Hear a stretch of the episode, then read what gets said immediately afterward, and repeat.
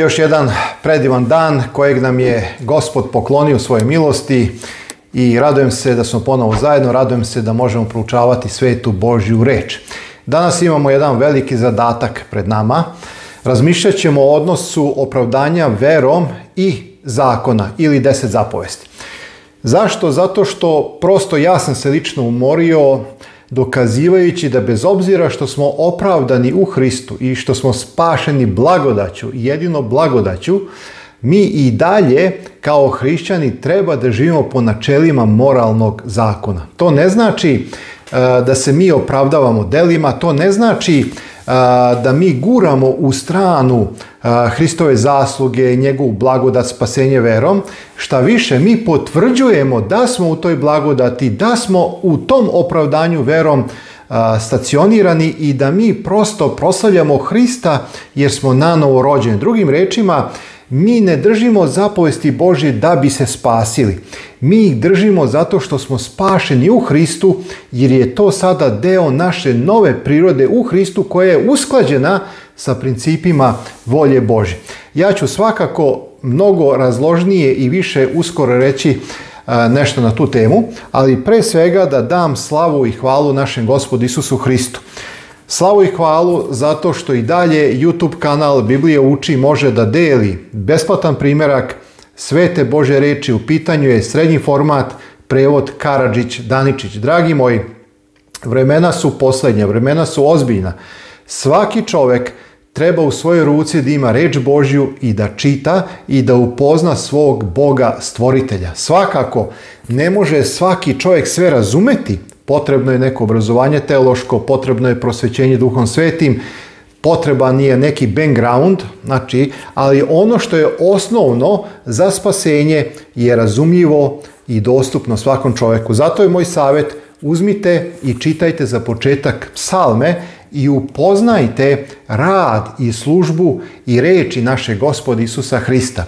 A onda čitajte dela apostolska, rimljanima, poslanici i tako dalje i sve ono što je bitno za vas, Bog će vam otkriti Duhom Svetim. Ali već tu, na samom početku ćete vidjeti koliko se današnja praksa, tradicije, običaj razlikuju od onog što je ovdje zapisano. Mnogo toga sam već snimio na mom kanalu. Ja vas podsjećam da imate i blog sve doktrine, istine koje su u pisanoj formi. Ako nemate mogućnost uvijek da slušate. O, ova predavanja možete ukucati blog Biblija uči, otići na rubriku Istina doktrina i tamo pronaći teme, sve ono što vas zanima u pisanoj formi. E sada, zahvaljujući zaista vašem strpljenju i svemu onome što se dešava na YouTube kanalu, još jednom vidite, podižem, ovo su sve knjige, u stvari deo knjiga koje poklanjam besplatno putem YouTube kanala Bibliju uči. Zaista je Bog blagoslovio ovaj kanal i ja želim da se reč Božja u obliku knjiga širi besplatno da dođe do što većeg broja ljudi. Na taj način će e, ljudi saznati lepotu evanđelja Hristovog i moći mu predati život. Samo na brzinu otkrivenje Ranko Stefanović, Heinz, Savremeni čovjek i Biblija, predivna knjiga, onda Vera, nevera i magija, odlična knjiga. Mostovi života, Miroslav Pujić.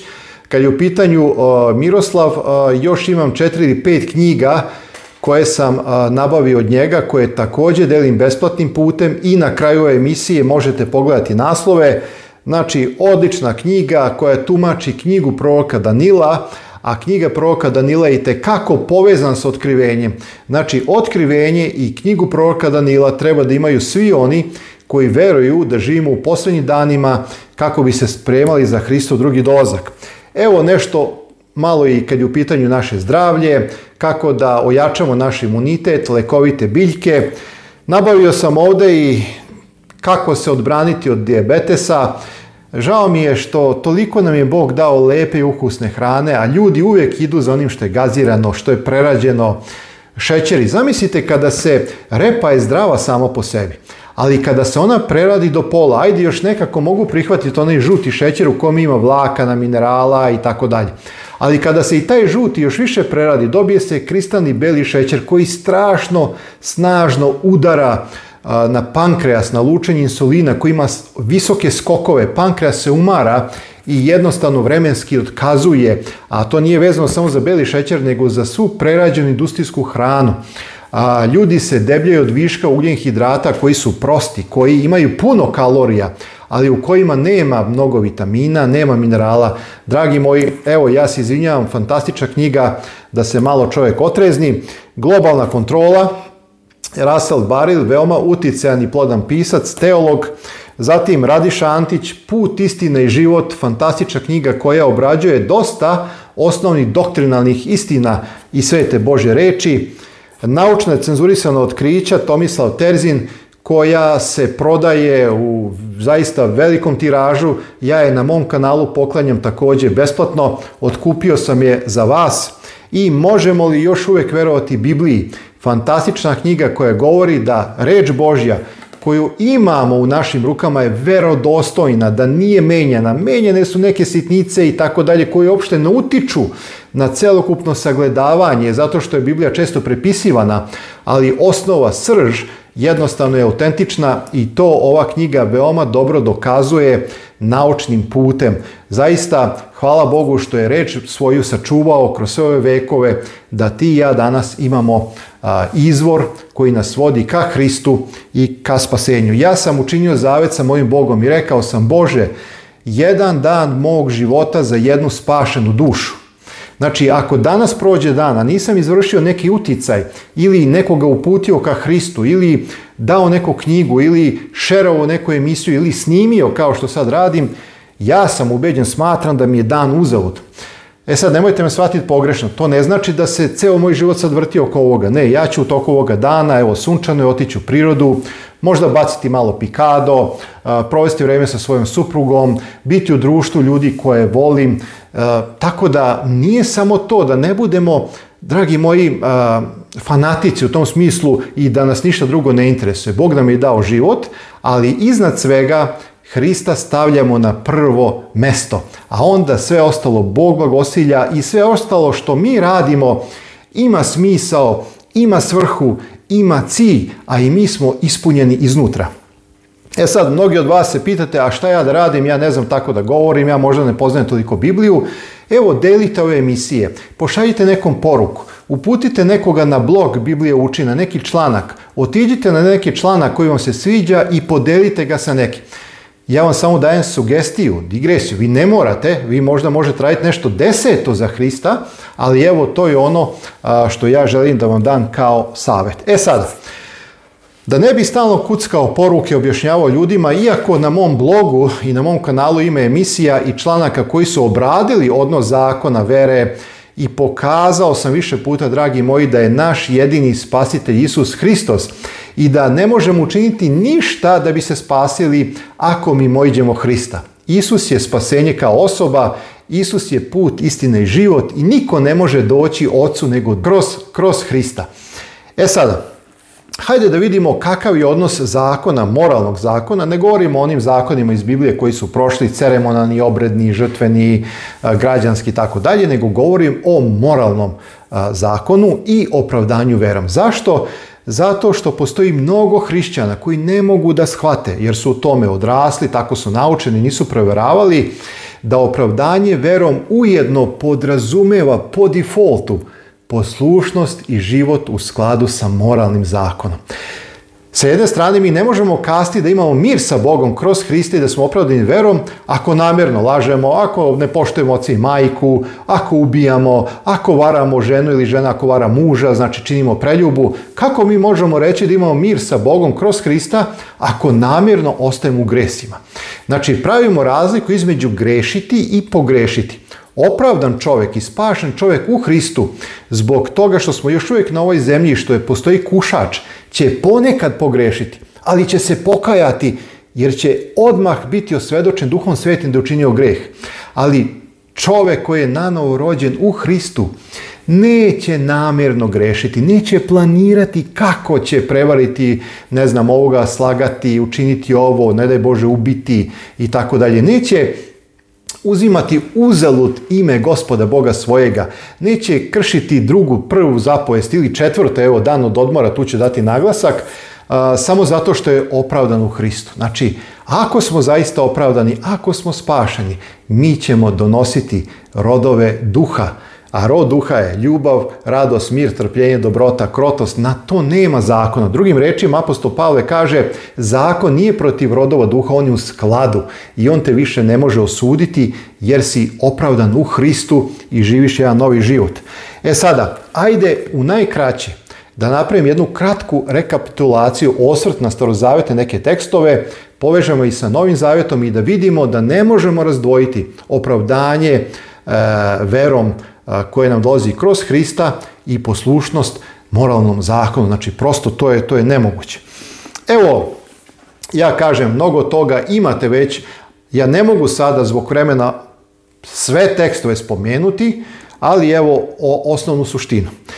Rimljanima poslanica peto poglavlje kaže Opravdavši se dakle verom, imamo mir sa Bogom kroz gospoda svojega Isusa Hrista – kroz kojega i pristup nađo smo verom u ovu blagodat u kojoj stojimo i hvalimo se nadanjem slave Božje. Znači, dva momenta su ovdje bitna. Znači, opravdali smo se verom u Isusa Hrista i zbog tog opravdanja imamo mir sa Bogom. E sada, još jednom, da li je moguće da neko ima mir sa Bogom, a ujedno namjerno čini greh, recimo laže iz dana u dan, nikako da taj greh pobedi Hristovom silom ili ne znam, ubio je nekoga i sad nije se pokaje zbog toga ili recimo čini preljube, vara svoju ženu ili žena vara svoga muža i sad ona kaže jao Hristos, Hristos, opravdana sam u veri ili sam se opravdao u veri, a jednostavno svesno, pa to je nemoguće dragi moji. Nemoguće je biti u grehu i imati mir sa Bogom. Zašto to kažem? Evo, jedna digresija. Vi znate na samom početku da je Bog za šest dana stvorio ovaj svet, a sedmi dan je blagoslovio i počinio. Znači, subota nam je data još u vreme stvaranja. I ona je bila prisutna sve do momenta kada je Bog na Sinajskoj gori direktno svojim prstom urezao deset zapovesti, deset moralnih principa pravila koje je data koje je dao, koja su data čovjeku. E sada, vi znate da ne postoji ni jedan greh koji čovjek može da da kaže ovo je greh, a da nije prekršio bilo koji od tih deset zapovesti. Zato je moralni zakon savršen, zato je tako precizan.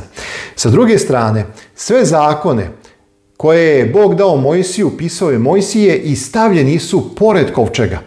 Moralni e, zakon, deset zapovesti stavljene su u kovčeg jer je Bog pisao ovaj zakon svojim prstom ih je uklesao u stenu, znači nije ljudska ruka i pisala, jer su to odraz Božje karaktera, Božje volje i odraz večnih principa.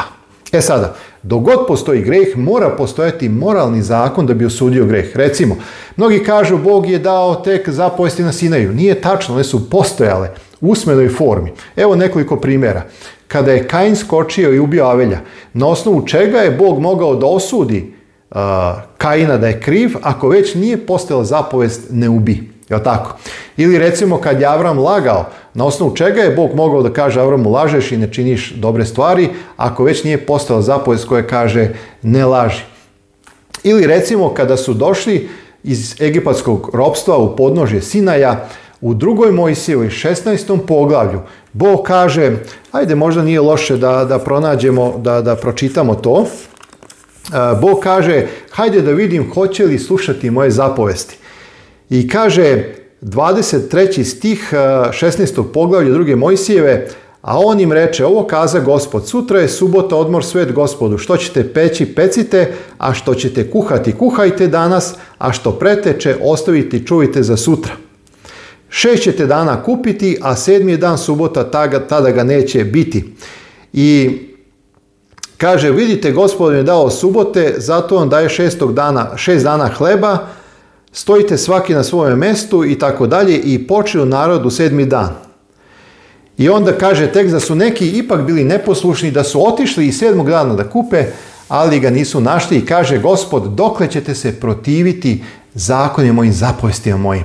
Tek kasnije, četiri poglavlja kasnije, u drugoj u 20. poglavlju, Bog daje Mojsiju urezane zapovesti u kamenim pločama. Znači, suludo je, kao što čujem da neki govore, da je subota data tek na sine. Ne, subota je uspostavljena na stvaranju, ona je bila poznata. Posle izlaska iz egipatskog robstva Bog ih podsjeća na važnost subote, jer ona je data ne samo za jevreje. Zašto je ovo bitno? Zapazite, ja ću kasnije u nastavku emisije ostaviti vama videoklip da čujete reči katoličkog kardinala sveštenika, koji iznosi istine o autoritetu katoličke crkve koja je promenila svetost sa sedmičnog dana subote na prvi dan u sedmici nedelje. I vidjet ćete da svi protestanti i svi hrišćani koji se pozivaju tobož da bi našli neke razloge zašto drže nedelju, da tih razloga nema, nego da se oni direktno klanjaju autoritetu katoličke crkve koja kaže da je izvršila ovu promjenu pre nego što je postao jedan protestant.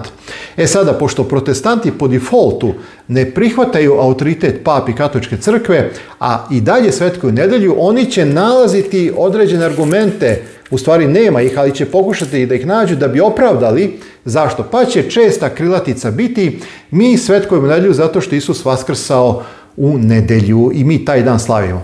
To može biti logično, ali nije istinito i nigde nije potvrđeno biblijskim tekstom. Jer Biblija kaže da su Marije i drugi žene ostali u subotu u miru po zakonu, a u prvi dan nedelje dođeš i tako dalje. Svi apostoli i kasnije, svi oni koji su služili i dalje su odlazili subotama, nikada se nedelja nije svetkovala u Bibliji. Ali evo, poslušajte do kraja, vidit ćete šta izlazi iz usta jednog sveštenika koji tvrdi odgovorno i ponosi se onim što je katolička crkva uradila, to je spromenila. Zašto je ovo bitno, vidjet ćete kasnije. Ali evo, ima mnogo teksta, dragi moji, ali evo samo možda jedan iz Isaije 56. poglavlja, da je jasno da je subota data svim narodima. Zašto? Pa zato što je Bog stvoritelj svih naroda. Zato što Bog nije samo jevrejski Bog, on je Bog svih ljudi i njegove zapovesti su date svim ljudima, ne samo jevrejima. One su predate jevrejima da bi oni bili glasnogovornici u svetu i objavili Boga, kao što je to sad uloga vernog ostatka u posljednjim danima, da pozovu hrišćan da iz Vavilona i da se poklone onome koji je stvorio nebo, zemlju i vodene izvore i da služe Isusu Hristu i da ga prihvate. Znači, uloga ostatka u ovim vremenima je ta, a uloga izraelskog naroda je u ono vrijeme bila da obasja svet istinom o jednom Bogu koji je stvorio nebo, zemlju, izvore vodene i o Božoj volji koja je data u moralnom zakonu. E sada, 56 glava Isaije proroka kaže ovako veli gospod pazite na sud i tvorite pravdu jer će skoro izaći spasenje moje i pravda će se moje objaviti. Blago čovjeku koji tako čini i sinu čovečin koji se drži toga čuvajući subotu da je na oskrni I neka ne govori tuđin, sad zapazite, znači tuđini su oni koji nisu jevreji po obrezanju, nego tuđini koji su želeli da prihvate Boga, stvoritelja i da dođu u njegovo naručje. Kaže, neka ne govori tuđin, ja sam suho drvo.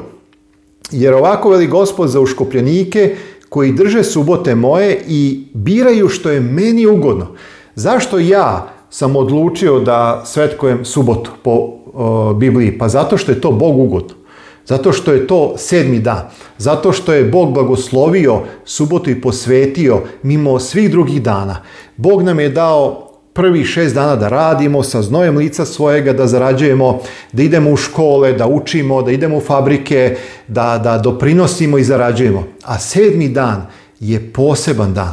Tada ne idemo u škole, tada ne idemo u fabrike, tada ne radimo. Taj dan smo odvojili za Boga, za bogosluženje u crkvi, za porodicu, za mir, za fizički odmor. Nauka dokazuje da se svakog sedmog dana naše telo regeneriše. Dragi moji, nauka to dokazuje. A Bog koji nas je stvorio sve to zna. I zato nam je dao jedan dan odmora, ali po njegovoj volji. Znate, ja sam čuo, kažu ljudi, ma, Mogu da uzmem utorak, mogu da uzmem sredu, ti možeš da uzmeš, tebi niko ne brani i to nije ništa loše da se odmoriš kada osjećaš da ti je potrebno ali ti ne ispunjavaš time Božju zapovest. Ako želiš da ispuniš Božju zapovest, onda treba da učiniš ono što je Bog ugodno. A šta Bog kaže? Oni koji biraju što je meni ugodno i drže zavet moj. I onda kaže, njima ću dati u domu svom, među zidovima. I 16. kaže, i tuđine koji pristanu s gospoda, da mu služe i da ljube ime gospodnje, da mu budu sluge koji god drže subotu, da je ne pokvare i drže zavet moj, njih ću dovesti na svetu goru.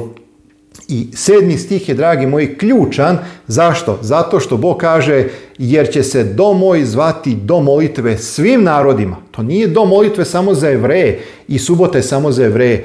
To je do molitve svim narodima, jer je Bog svakog čoveka, ne samo Evreja. A, mislim da su stvari vrlo jasne. Evo recimo i 58. stih, 58. poglavlje kaže 13. stih, ako odvratiš nogu svoju od subote da ne činiš što je tebi drago na moj sveti dan i ako prozoveš subotu milino, Bog se ne menja, ni njegov sveti dan se, dragi moji, ne menja. Ne možemo mi sada reći, mi svetkujemo nedlju zato što Isus vaskrsao. Bog se ne menja. Sedmični ciklus je isti i subota ostaje. Pa sam Isus, ja ne mogu sve to sada čitati, ali evo da vam spomenem sam Isus je rekao da je Isus kao sin čoveči gospodar od subote. Zašto? Pa zato što je on bio u stvaranju subote. Jer je sve stvoreno kroz reč, a reč beše sa Bogom i reč beše Bog. I bez njega ništa nije stvoreno što je stvoreno, a Jovan kaže u prvoj glavi 14. stihu da se reč utelovila i postala telo, Isus Hristos. Zato Isus kaže ja sam gospodar od subote. I Isus je bio reformator subote. Zato Isus kaže farisejima pa nije subota načinjena a, nije čovjek načinjen radi subote, nego je subota načinjena radi čovjeka. Znači, i onda potvrđuje onu fantastičnu misao i kaže, ako vam upadne neka krava, voj, šta ja znam, pa zar nećete otići da je, da je izvadite iz rupe? Pa znači, subota ima smisla kada pomažemo. Mi nećemo zarađivati, ali kada pomogneš nekom, kada nekom e, daš neku čašu vode, hranu, kada učiniš neku dobru stvar, to ne znači da se ti opravdavaš delima. Ne, nego je subota data da bude milina, da dobro činimo u subotu, da budemo oni koji će biti na blagodat drugim ljudima, a ne da brojimo korake, da ne znam, e, razmišljamo o 300 i nešto pravila, i zato Isus kaže subota je stvorena čoveka radi. Znači da čoveku bude dobro.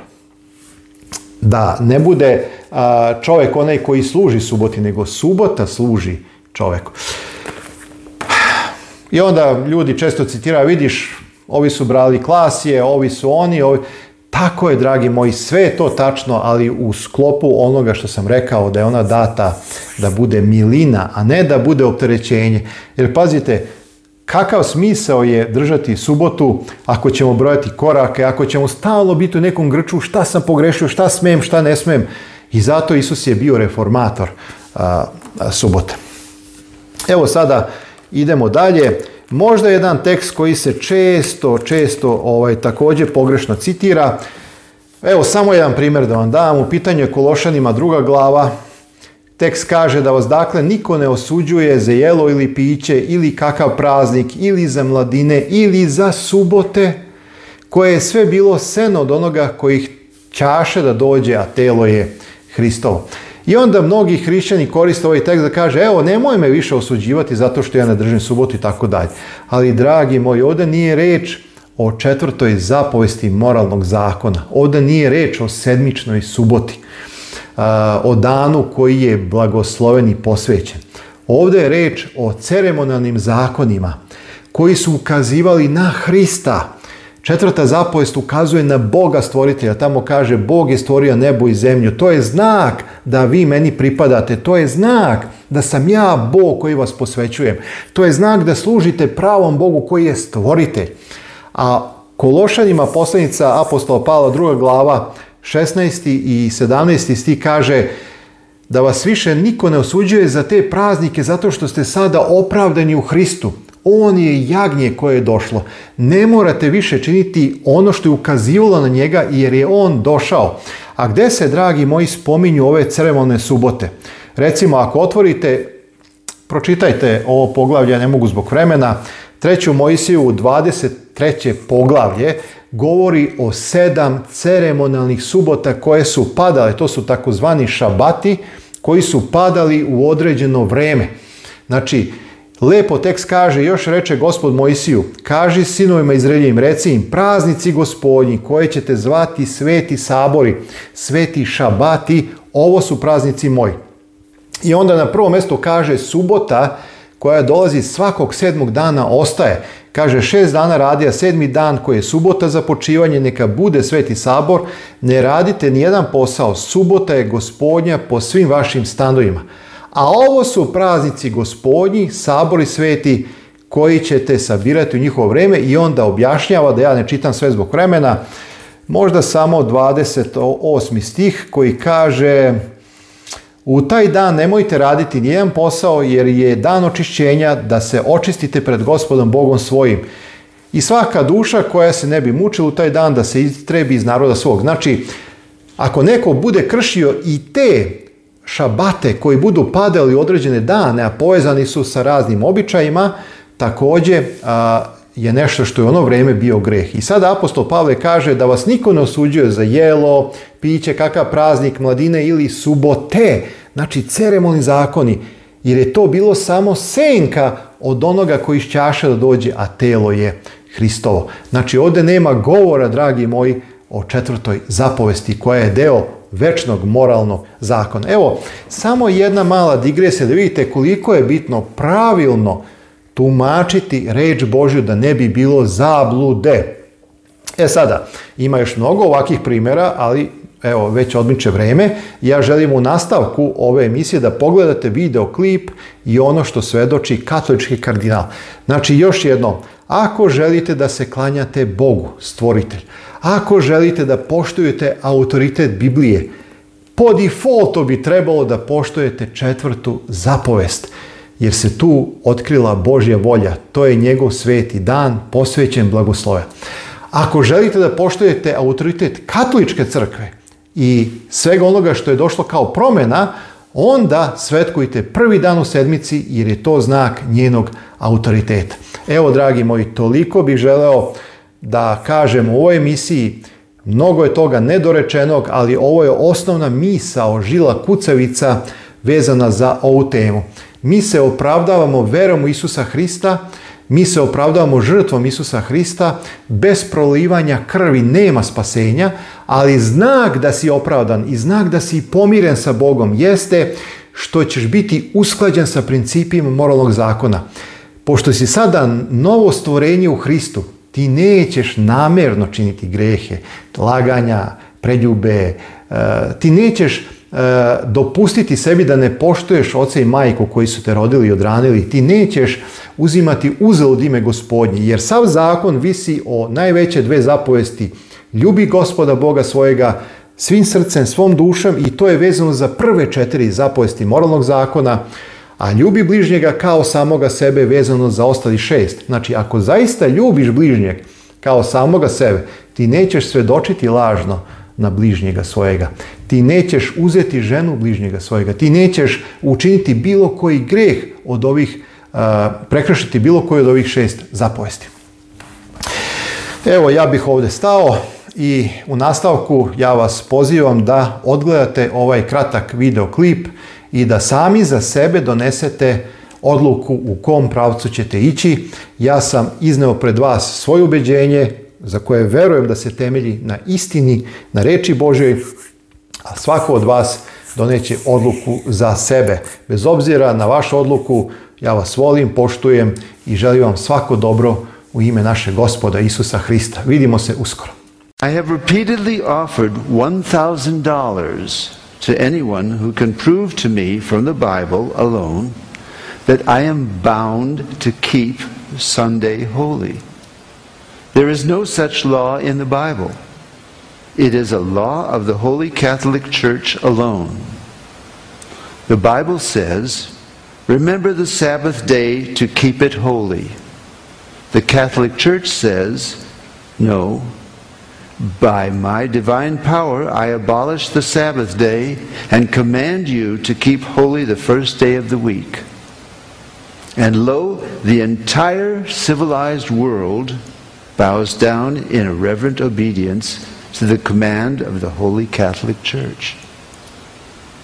T. Enright, CSSR, in a lecture at Hartford, Kansas, February 18, 1884. The Catholic Church, for over 1,000 years before the existence of a Protestant, by virtue of her divine mission, changed the day from Saturday to Sunday. The Catholic Mirror, September 23, 1893. Question Which is the Sabbath day? Answer Saturday is the Sabbath day. Question Why do we observe Sunday instead of Saturday? Answer We observe Sunday instead of Saturday because the Catholic Church, in the Council of Laodicea, AD 336, transferred the solemnity from Saturday to Sunday. Peter Geierman, The Convert's Catechism of Catholic Doctrine, second edition, 1910, page 50. Question Have you any other way of proving that the church has power to institute festivals of precept? Answer Had she not such power, she could not have done that in which all modern religionists agree with her. She could not have substituted the observance of Sunday, the first day of the week, for the observance of Saturday, the seventh day, a change for which there is no scriptural authority. Stephen Keenan, A Doctrinal Catechism, page 174. There is but one church on the face of the earth which has the power or claims power to make laws binding on the conscience, binding before God, binding under penalty of hell fire. For instance, the institution of Sunday. What right has any other church to keep this day? You answer by virtue of the third commandment. The papacy changed the fourth commandment and called it the third, which says, Remember that thou keep holy the Sabbath day. But Sunday is not the Sabbath. Any schoolboy knows that. Sunday is the first day of the week. I have repeatedly offered $1,000 to anyone who will prove by the Bible alone that Sunday is the day we are bound to keep, and no one has called for the money. It was the Holy Catholic Church that changed the day of rest from Saturday, the seventh day, to Sunday, the first day of the week. T. Enright, CSSR, in a lecture delivered in 1893.